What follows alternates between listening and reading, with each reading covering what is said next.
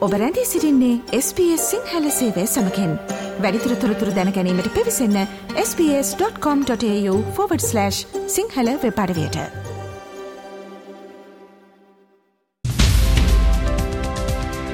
මවබිමින් පුවත්.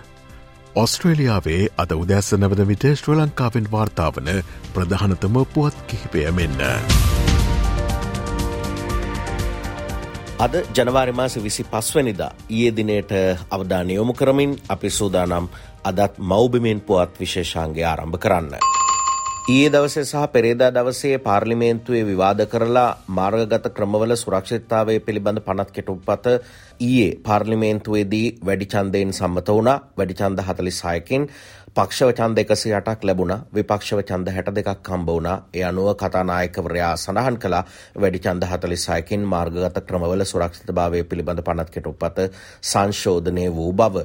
කොමනත් පාර්ලිමේන්තු විවාදයට ඊයේ දවසේ එකතු වෙමින් මේ මාධ්‍යවල අවශ්‍යතාවය සහ එහි වැදගත්කම පිළිබඳව විශේෂයෙන් සමාජ මාධ්‍යවල ක්‍රියාකාරීත්වය පිළිබඳව සජිත් ප්‍රේමදාස විපක්ෂනායකවරයා ඊයේ විවාදයට එක්වෙමින් අදහස් පල කළා. මාධ්‍ය ශේෂත්‍රයේ සමාජ මාධ්‍ය අද අපේ රටේ ප්‍රජාතන්ත්‍රවාදය සුරක්ෂා කිරීමේ ව්‍යුහය තුළ හතරවෙනි කුළුණ බවට පත්වෙලා තිබෙන. මොකද අපේ අනෙකුත් කුළුණුවල සමහර ක්‍රියාවන් පිළිබඳව බරපතල ප්‍රශ්න බරපතල ගැටලු තිබෙන. හැබැයි මම පිළිගන්නවා චරිත ඝාතනය, වැරදි තොරතුරු මත බොරු චෝදනා එල්ල කිරීම මේ සියල්ලක්ම පාලනය කරන්නට නියාමන ක්‍රමවේදයක් තියෙන්නට ඕන. ඒක මම පිළිගන්නවා. ඉතින් ඒක කරන්න පුළුවන් පවතින නීතිය තුල. කරුණා කරලා මේ පනත ඉදිරියට ගෙන යන එක හකුලාගන්න. හකුලාගෙන විවිධ පාර්ශවත් සමග සාකච්ඡා කරලා සුදුසු ආකාරයට ඒ නියාමන ක්‍රමවේදය ක්‍රියාත්මක කරා. ඒ අතර ලක්ෂ්මන් කිරියල්ල පාර්ලිමේන්තු මන්ත්‍රීවරයා සහ ටිරන්නල සමාත්‍යවරයා අතර වචන හෝමාරුවක් සිදු වුණා.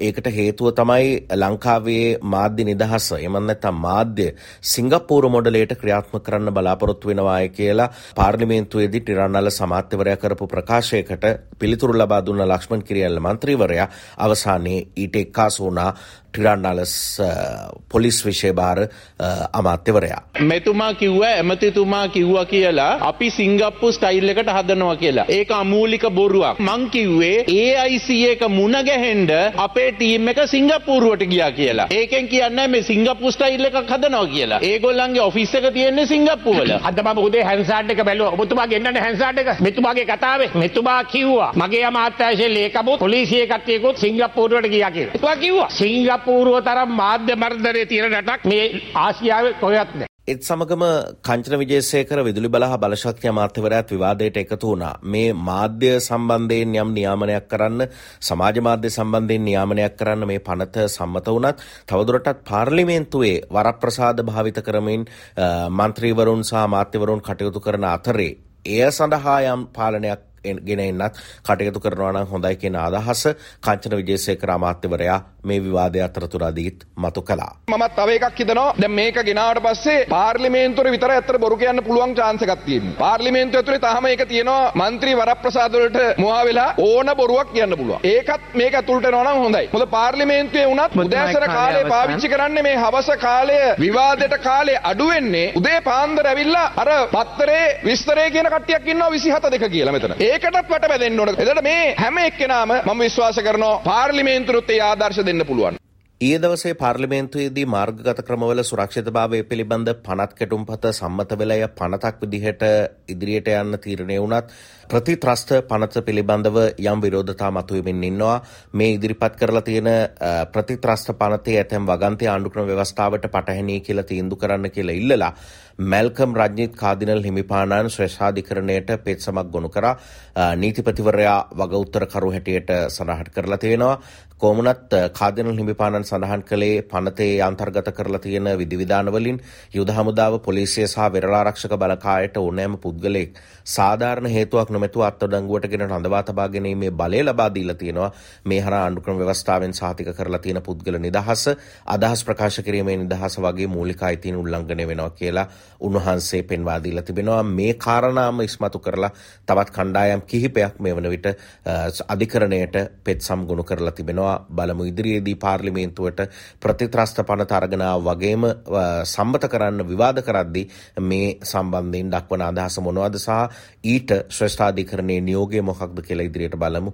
ඒකට හේතුව තමයි ප්‍රතිත්‍රස්ත පනතේ ඇතැම් වගන්ති සංශෝධනය කරන්න කියලා දැනට පෙත් සම් කිහිපයක්ම අධිකරණයට ඉදිරිපත් වෙලා තිබෙනවා. ලංකාවේ ආර්ථිකාර්බුදයක් නිර්මාණය වෙන්න සමහර වෙලාවට සිදුවුණු වංචා ඇතුළු ක්‍රියාකාරකම්වල බලපෑම ඊට මූලික වන නිසා ඒ පිළිබඳව පාර්ලිමේන්තුවේදී ප්‍රශ්න කළ බවත් එවැනි ප්‍රශ්න කිරීම් රැසකට මේ වනතෙක් පිළිතුරු ලබාදී නැති බවත් සජි ප්‍රේමදාස විපක්ෂනායකවරය ඊයේ පාර්ලිමේන්තුවේදී මතු කරා.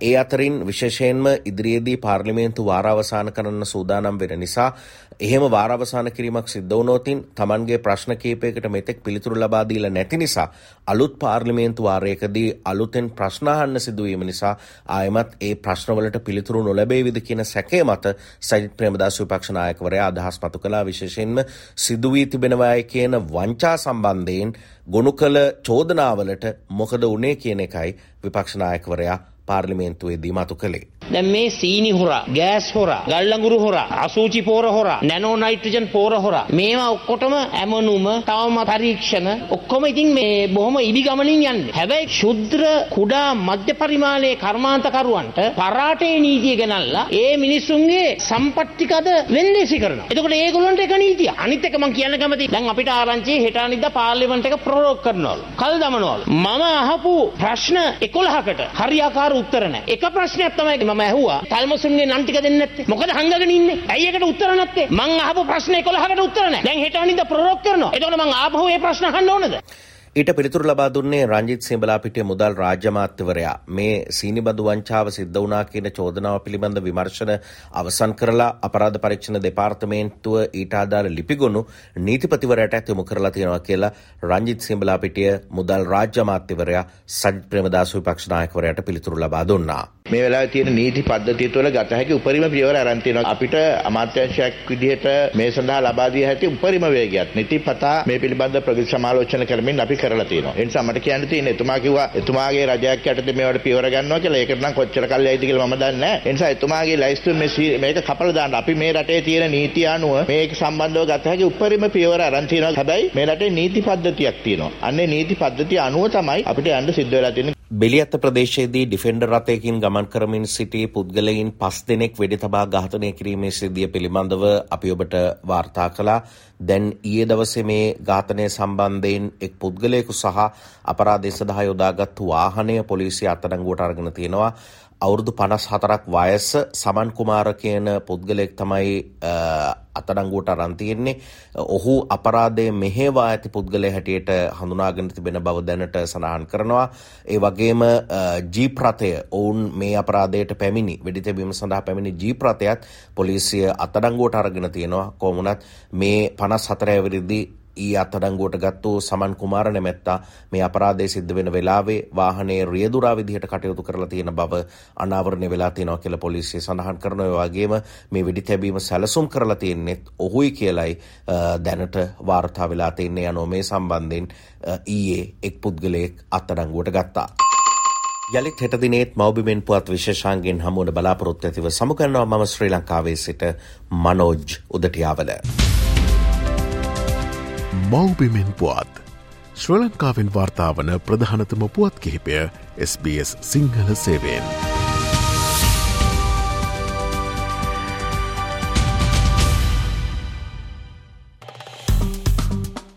ලයි කරන්න ෂයා කරන්න අදහස් ප්‍රකාශ කරන්න SBS සිංහල ෆස්බුක් පිටුව ෆලෝ කරන්න.